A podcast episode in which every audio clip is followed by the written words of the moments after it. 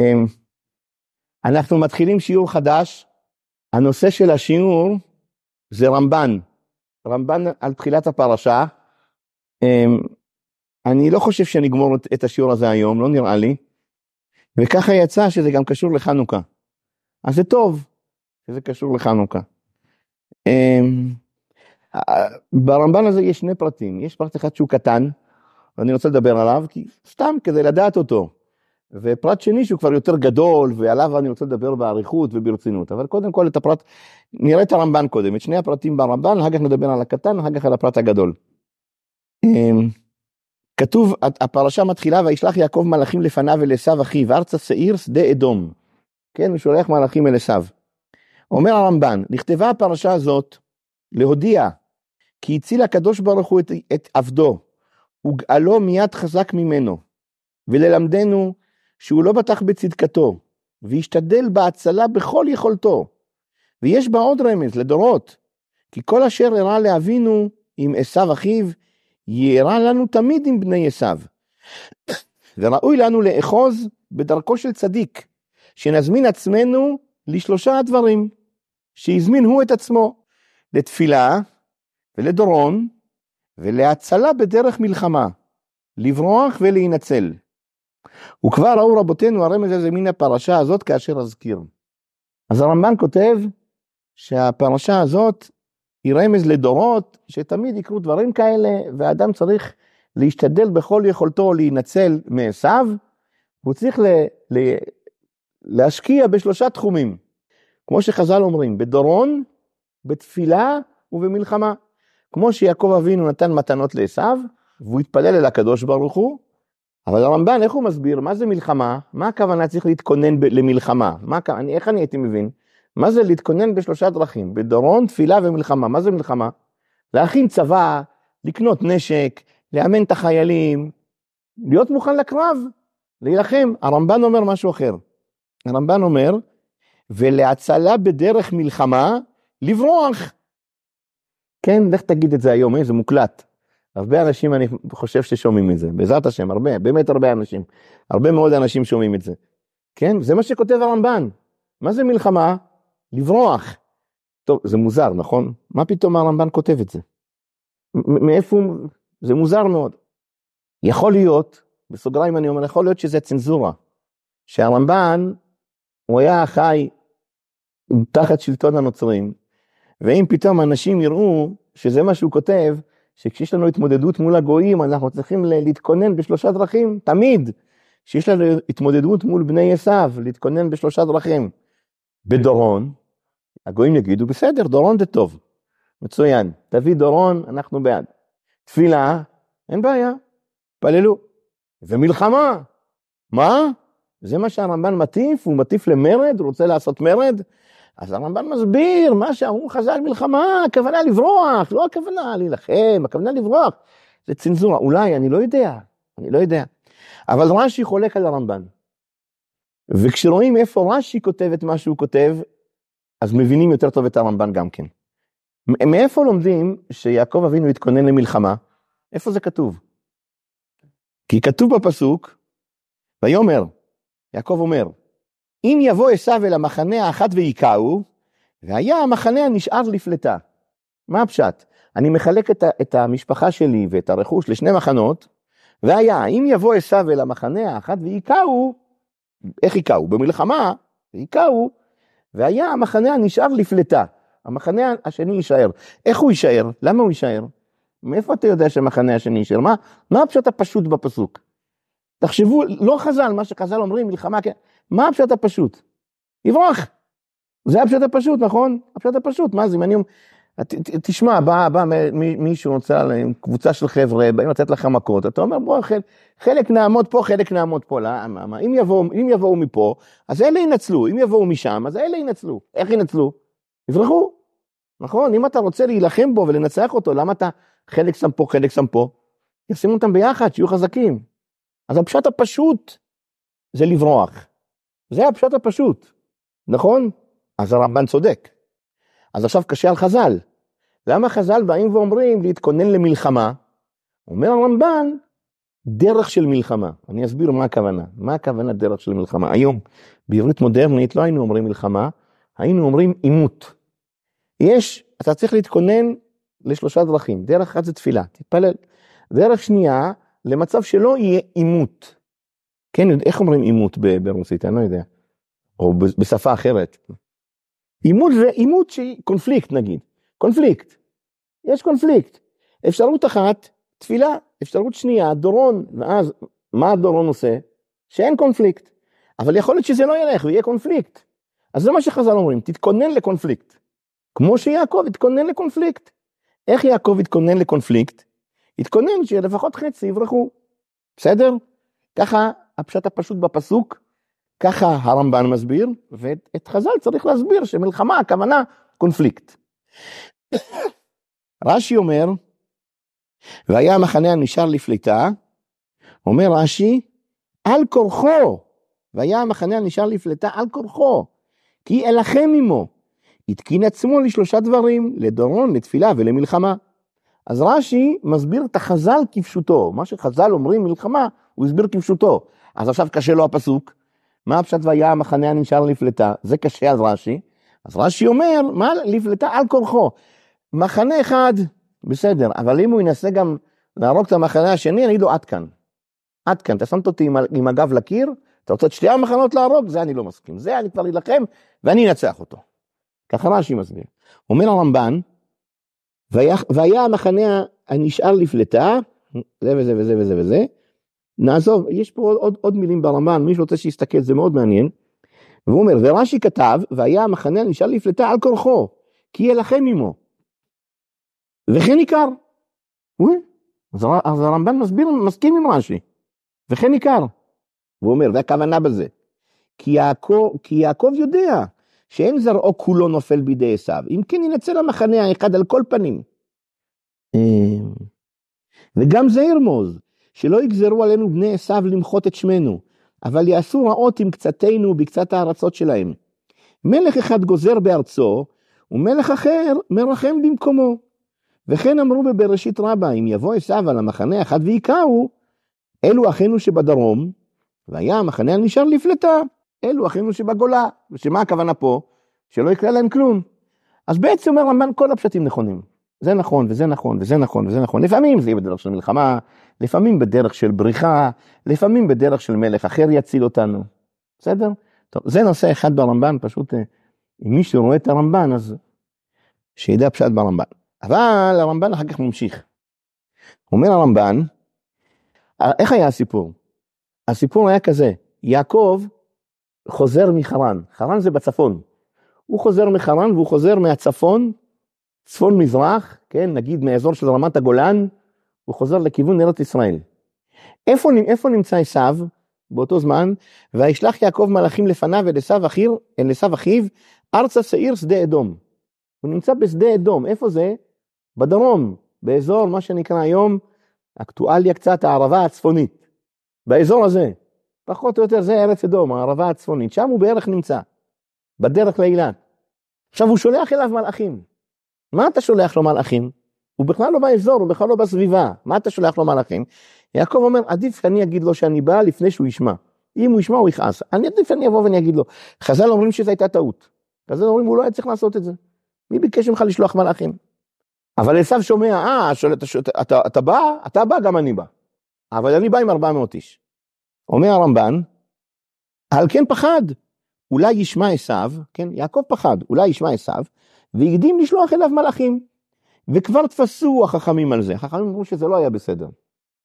ועל דעתי, אומר הרמב"ן, ואני חושב, גם זה ירמוז, כי אנחנו התחלנו נפילתנו ביד אדום. אנחנו, מה שנפלנו ביד אדום, מה הכוונה? חורבן בית המקדש השני, אנחנו התחלנו את הנפילה שלנו, אנחנו התחלנו את זה. כי מלכי בית שני באו בברית עם הרומאים. מלכי בית שני עשו הסכם עם הרומאים, ומהם שבאו ברומא, היו כאלה שהגיעו עד לרומא עצמה, והיא הייתה סיבת נפילתם בידם. ובגלל זה בסופו של דבר הרומאים החריבו את בית המקדש. התחיל מאיתנו, אנחנו בכלל אה, עשינו הסכמים עם הרומאים. וזה מוזכר בדברי רבותינו, הוא מפורסם בספרים. טוב, אז זה אני רוצה לדבר באריכות. להסביר מה היה ואיך היה, לדבר על זה באריכות, אני לא חושב שאני אגמור בשיעור אחד, נדבר על זה, וזה קשור גם לחנוכה. אז צריך קודם כל, אני רוצה להקדים אה, הקדמה קצרה של משפט וחצי. קודם כל, אני, השיעור יהיה, חלק מהשיעור זה יהיה בעצם היסטוריה. אני לא היסטוריון, ממש לא. ואין לי שום כוונה להגיד דברים מדויקים איך בדיוק היה, כי אני לא היסטוריון, אני רק רוצה לתת תמונה כללית, כדי שנבין את מה שכתוב ברמב"ן. זאת נקודה אחת. נקודה שנייה, גם מי שכן היסטוריון, לעניות דעתי, לא יכול לדעת בדיוק בדיוק בדיוק מה קרה במקרים האלה, כי אין כל כך הרבה מקורות, זה א', וב', אני לא רוצה עכשיו להיכנס לפרטים למה, אבל קשה לסמוך על המקורות. כי אלה שכתבו את המקורות האלה, הם לא היו אובייקטיביים. מה? היו להם אינטרסים. אז קשה לבדוק בדיוק, אפילו אם הם היו אובייקטיביים, לא תמיד אפשר לסמוך, אבל כשיש להם אינטרסים לאלה שכתבו, אז קשה לדעת. בחז"ל גם כתובים הרבה דברים, אבל בחז"ל זה אגדתא, ואגדתא צריך ללמוד, ומי שלא למד ברמח"ל איך עומדים אגדתא, אז גם את החז"ל הוא לא מבין. אז יכול הכל להיווצר איזשהו סלט. ואני, אז לכן אני לא בא להיכנס לפרטים, אני בא לדבר באופן כללי, מה קרה. אז אני, קודם כל רקע, מה היה? בבל החריבו את בית המקדש הראשון. אחר כך פרס ניצחו את בבל, ובעצם ברגע שהם ניצחו את בבל הם הפכו להיות אימפריה, כמו שכתוב במגילת אסתר, שאחשוורוש הלך, שאחשוורוש שלט על שבע עשרים ומאה מדינה. הם שלטו על כל העולם בעצם. והם שלטו גם על ארץ ישראל. ואז הם באו ליהודים ואמרו להם, אתם יכולים לבוא לבנות את בית המקדש. מה הכוונה? שהם נתנו להם במתנה את ארץ ישראל? לא, מה פתאום? זה חלק מהאימפריה הפרסית. אבל הם אומרים להם, יש לכם רשות לבנות את בית המקדש, רוצים לבנות, תבנו. זה חלק מהאימפריה הפרסית, אתם גם יכולים לשלוט שם, יש לכם זכויות, משהו כמו איזו אוטונומיה או משהו, אבל זה חלק מהאימפריה הפרסית. אחר כך אלכסנדר מוקדון ניצח את הפרסים, אני אומר הכל בקיצור בלי להיכנס לפרטים מה ומי ומו ואיך. אלכסנדר מוקדון ניצח את הפרסים, ואז ארץ ישראל הפכה להיות חלק מהאימפריה היוונית. ועדיין יש בית מקדש, הכל בסדר. אחרי שאלכסנדר מוקדון מת, חילקו את האימפריה שלו לכמה חלקים, איכשהו בסופו של דבר, ארץ ישראל הייתה חלק מהמדינה אה, היוונית שהמרכז שלה היה בדמשק. בסדר, כשאנחנו מדברים בחנוכה על יוון, אנחנו לא מדברים על יוון שבארץ יוון. זו הייתה מדינה אחרת בכלל. אנחנו מדברים על יוון של דמשק, על זה אנחנו מדברים. היו כמה מדינות שקראו להם יוון. כל אחד היה שם. אז זה היה יוון הזה. בסדר. באיזשהו שלב אנטיוכוס גזר גזרות, למה הוא גזר, מה היה הסיפור, זה סיפור אחר. יש לי איזה סדרה של שיעורים אפשר לשמוע בהקלטות, זה סיפור אחר, אני לא בא לדבר על זה. הוא גזר גזרות. ואז מתתיהו הכריז על מרד. בהתחלה הם היו מעט מאוד אנשים שהצטרפו למרד, וכל פעם הצטרפו יותר ויותר ויותר. אבל בואו נתחיל מפה, אני מספר ממש בקיצור, מהמרד של מתתיהו. מתי זה היה? בערך. כמה שנים לפני החורבן. בערך. אז אני אגיד לכם, בערך 240 שנה לפני החורבן, כן, בית המקדש השני היה קיים 420 שנה, בערך 240 שנה לפני החורבן היה המרד של החשמונאים. בסדר? 240 שנה לפני החורבן, פחות או יותר. אז היה המרד של החשמונאים, סדר גודל. מתתיהו התחיל את המרד, ומי היה המנהיג של המרד? מתתיהו. כמה שנים הוא חי אחרי שהוא התחיל למרוד? אתם יודעים כמה? בערך שנה. אחרי שנה הוא נפטר. והוא החליט מי יהיה אחריו. את מי הוא מינה להיות אחריו? את יהודה, יהודה המכבי, הבן שלו, יהודה המכבי. הוא מינה את יהודה להיות אחריו, והם הצליחו, כבשו את ירושלים, שחררו את בית המקדש, טיהרו את בית המקדש, הדליקו נרות בחצרות קודשך, בסדר. כמה שנים, אבל, אבל המלחמות עוד לא הפסיקו. המשיכו עוד להילחם היוונים. כמה שנים יהודה חי? אחרי שאבא שלו נפטר. כמה שנים? לא הרבה. שלוש שנים. שלוש שנים. זה הכל. עכשיו בתקופה הזאת של מתתיהו ויהודה, הם הצליחו, הם ניצחו, נכון? הם ניצחו, כן, הם כבשו את ירושלים, כן. היה שטח שהיה בעצם שלהם, שהם שלטו בשטח הזה.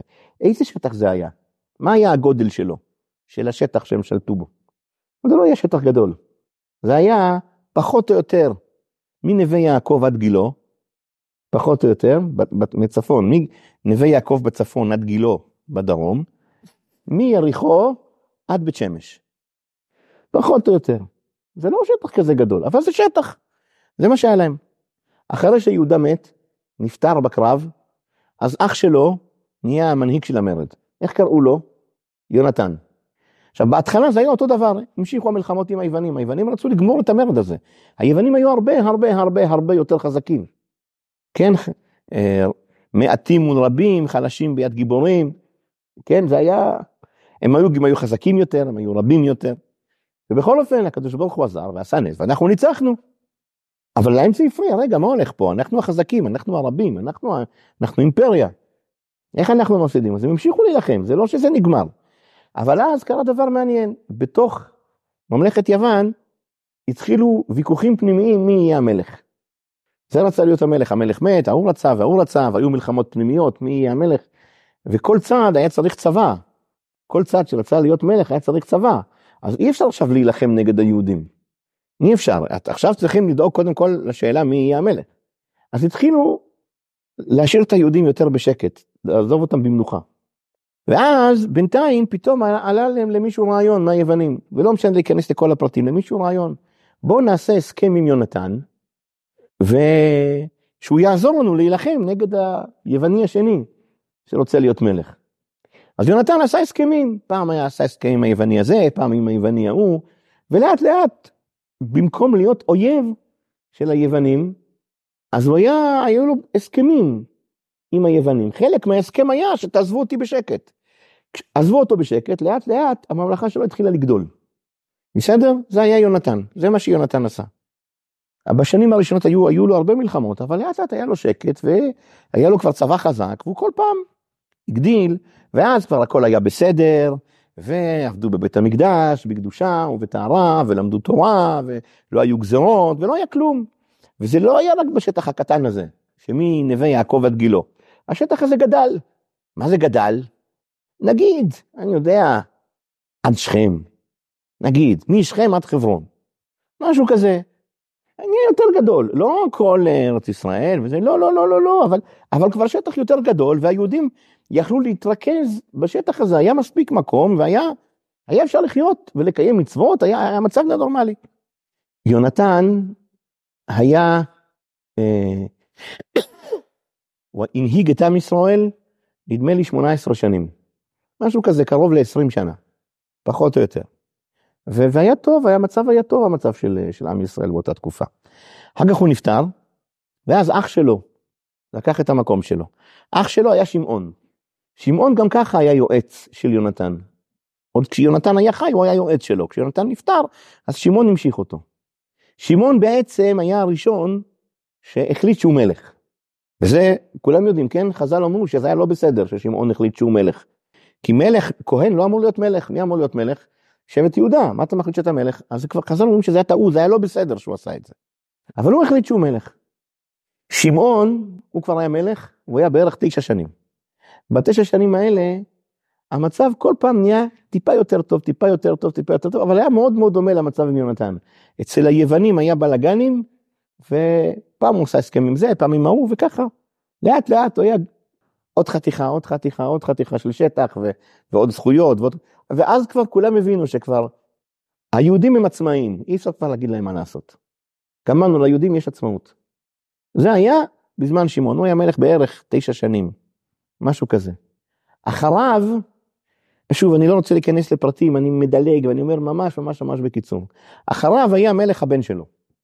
הבן שלו היה מלך 30 שנה.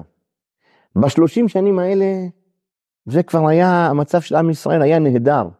הוא היה 30 שנה מלך, הוא חיזק את, את עם ישראל, הוא חיזק את הצבא, השטח גדל, כבשו שטחים מפה, כבשו שטחים משם. ממלכת, ממלכת יהודה קראו לזה, הייתה ממלכה גדולה וחזקה, ואף אחד לא, לא ניסה לעשות להם שום דבר, הפוך, הם היו מאיימים על עמים אחרים, וכשבאו אליהם בטענות, מה אתם אה, מאיימים על עמים אחרים? אז הם אמרו, מה פתאום, זה אנחנו לא כובשים שטחים, זה שטח שלנו, זה פעם, כל זה היה שלנו. בזמן בית ראשון. את כל זה קיבלנו מהקדוש ברוך הוא, הכל שלנו. פשוט לאט לאט לקחו לנו את הכל, לא השאירו לנו כלום, עכשיו אנחנו מחזירים בחזרה. וככה לאט לאט הם הגיעו לא, לא למצב בזמן, כמו בזמן דוד ושלמה, אבל לא רחוק. בזמן הבן של שמעון, יוחנן, שקראו לו יוחנן. בסדר? הוא היה מלך 30 שנה. אחר כך הוא מת, ואז הוא מינה את הבן שלו. הבן שלו, יש עוד משהו, וצריך לדעת, לאט לאט הצדוקים התחילו להתחזק. הצדוקים פה בארץ התחזקו והמלכים התחילו להתנדנד. מה אנחנו? אנחנו צדוקים או אנחנו פרושים? איפה אנחנו? מי אנחנו? זאת אומרת, מבחוץ הכל טוב, הכל יפה, הכל נהיה יותר גדול, יותר חזק, יותר מצליח, אבל מבפנים כן צדוקים, לא צדוקים. אז הוא אחרי 30 שנה מת, הבן שלו נהיה מלך, הבן שלו היה נשוי עם אישה אחת שקראו לה שלום ציון. והבן היה מלך ואחרי כמה זמן הוא נפטר, לא אחרי הרבה זמן, הוא היה חולה ונפטר, ואז שלום ציון פתאום נהייתה מלכה, אבל לא היו להם ילדים. אז מה הדין? אם אישה נפטרת ואין להם ילדים, צריכים לייבם אותה. עכשיו מי שייבם אותה מרוויח עוד משהו. כדאי לייבם את שלום ציון. כי מי שמייבם אותה, מה, מה יהיה? הוא יהיה המלך, נכון? אז האח ייבם אותה. בסדר? לאח הזה קראו ינאי. עכשיו, פה זה עסק שלם בין האמוראים ובין הראשונים, כל מיני סיפורים שמסופרים בגמרא, האם הם, וגם ינאי הזה מלך 30 שנה. כן, יוחנן מלך 30 שנה, וינאי מלך 30 שנה. שניהם, כל אחד מהם מלך 30 שנה. ויש כל מיני סיפורים בגמרא על ינאי. המון סיפורים. וגם האמוראים דנים, וגם הראשונים, וגם האחרונים, על כל סיפור וסיפור, האם זה על השני, על ינאי, או שזה על יוחנן, הראשון. ואחד המפרשים אומר, כי ינאי זה שם יווני, שהתרגום שלו בעברית זה יוחנן. אז לכן יש פה בלאגן שלם, כל מיני סיפורים, האם זה על זה או זה על זה, איזה סיפור פה, איזה סיפור שם, אני לא נכנס לכל זה. בסדר? זה לא משנה כרגע. אבל מה שחשוב שהוא, אצל שניהם היה מצב טוב, אבל אצל שניהם היו סיפורים עם צדוקים. ואז הגמורה אומרת כך, גמורה בקידושין, בדף ס"ו, אה, אה, אה, אני אנסה לעשות את זה מהר כדי לגמור, אני רוצה לקרוא שני סיפורים, לעצור פה, ובפעם הבאה נבין איפה, רגע, ואיפה פה הרומאים? אמרנו פה שהרומאים, היהודים הביאו את הרומאים, איפה, איפה זה קרה? בינתיים הכל טוב, הכל, באיזה ביטוי להשתמש? תותים, דבש, הכל נפלא. אז כתוב ככה, אומרת הגמרא בקידושין דף ס"ו, מעשה בינאי המלך, שהלך לכוכלית שבמדבר, וכיבש שם שישים כרכים, כן? אמרנו שאז שני המלכים האלה של חשמונאי כבר הגדילו את הממלכה, כבשו מפה, כבשו משם, הכל כבר היה בסדר. כבש שישים כרכים. ואני כן, אני לא בא להיכנס לגמור אל העומק, מה, שישים בדיוק? חז"ל ספרו שישים למה אומרים 60? צריך לדעת שכתוב בגמרא 60 זה מספר שמסמל משהו. כן, יש ביטול ב-60 ויש כל מיני דברים שהם 60. 60 זה, זה לא סתם מספר, אבל אני לא, זה לא, אני רק קורא את הגמרא כמו שהיא. וכיבש שם 60 כרכים, ובחזרתו היה שמח שמחה גדולה, וקרא לכל חכמי ישראל, ואמר להם, אבותינו היו אוכלים מלוכים. מה זה מלוכים? דגים מלוכים, ככה כל, כל החיים שלי חשבתי, אומר רש"י, ירקות הם. נפקא מינה, מי שמכיר, טוב, יש שיר, וריח המלוח על המים. ריח המלוח על המים, מלוח, זה ירק. אמר להם, אבותינו היו אוכלים מלוכים. זה מה שהיה להם, היה להם בשר. היו אוכלים ירקות. בזמן שהיו עסוקים בבניין בית המקדש. אף אנו נאכל מלוכים, זכר לאבותינו. נכון שאנחנו היום, ברוך השם, כבשנו, אנחנו כבר אה, לא אימפריה עולמית, אבל אימפריה אזורית, אנחנו מעצמה אזורית. אנחנו יכולים להרשות לעצמנו, יש לנו כסף, יש לנו אוכל, יש לנו צבא חזק. אבל לזכר אבותינו נאכל מלוכים, נאכל ירקות. והעלו מלוכים על שולחנות של זהב. ואכלו. היה שם אחד, איש לץ, לב רע ובליעל, ואלעזר בן פואירה שמו. ויאמר אלעזר בן פואירה לינאי המלך, ינאי המלך, ליבם של פרושים עליך. תשמע, הפרושים באמת באמת, הם לא אוהבים אותך. ומה אעשה? מה אני יכול לעשות? הוא אמר, אז הוא ענה לו, הקם להם בציץ שבין עיניך. אתה לא רק מלך, דרך אגב, אתה גם כהן גדול. וכהן גדול יש לו ציץ. תלבש את הציץ, או תחבוש את הציץ, ותשאל אותם שאלות. הקים להם בציץ שבין עיניו, כולם נעמדו. היה שם זקן אחד, ויהודה בן גדידיה שמו. ויאמר יהודה בן גדידיה לינאי המלך, ינאי המלך, רב לך כתר מלכות. מספיק שאתה מלך, אתה מלך זה טוב, מה אתה לובש גם אה, אה, את הציץ? לא מתאים לך, מתאים, מספיק שתהיה מלך. אין לנו שום בעיה, תמשיך להיות מלך, אבל עזוב את זה, אל תהיה כהן גדול. כהן גדול לא מתאים לך. כן, אני חושב שכל אחד מבין, כשאומרים את זה, למה מתכוונים. מה רוצים בעצם להגיד לו? אתה מוצלח? כן. אתה חזק? כן. אתה צדיק? אה.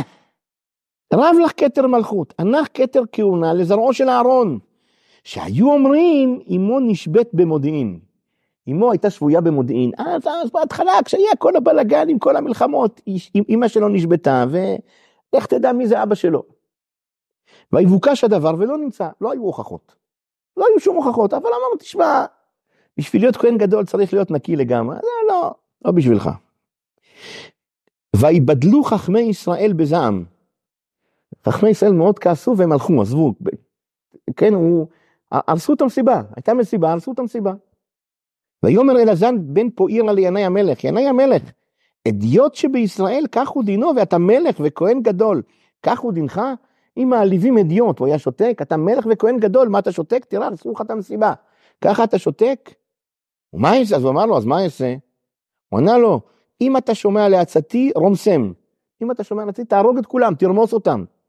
אז הוא ענה לו, ותורה מה תהיה עליה? מה אם תראה? אני ארמוס את כל החכמים, אני אהרוג אותם, מה אם תראה? אז הוא ענה לו, הרי היא כרוכה בקרן זווית. כל הרוצה ללמוד יבוא וילמד.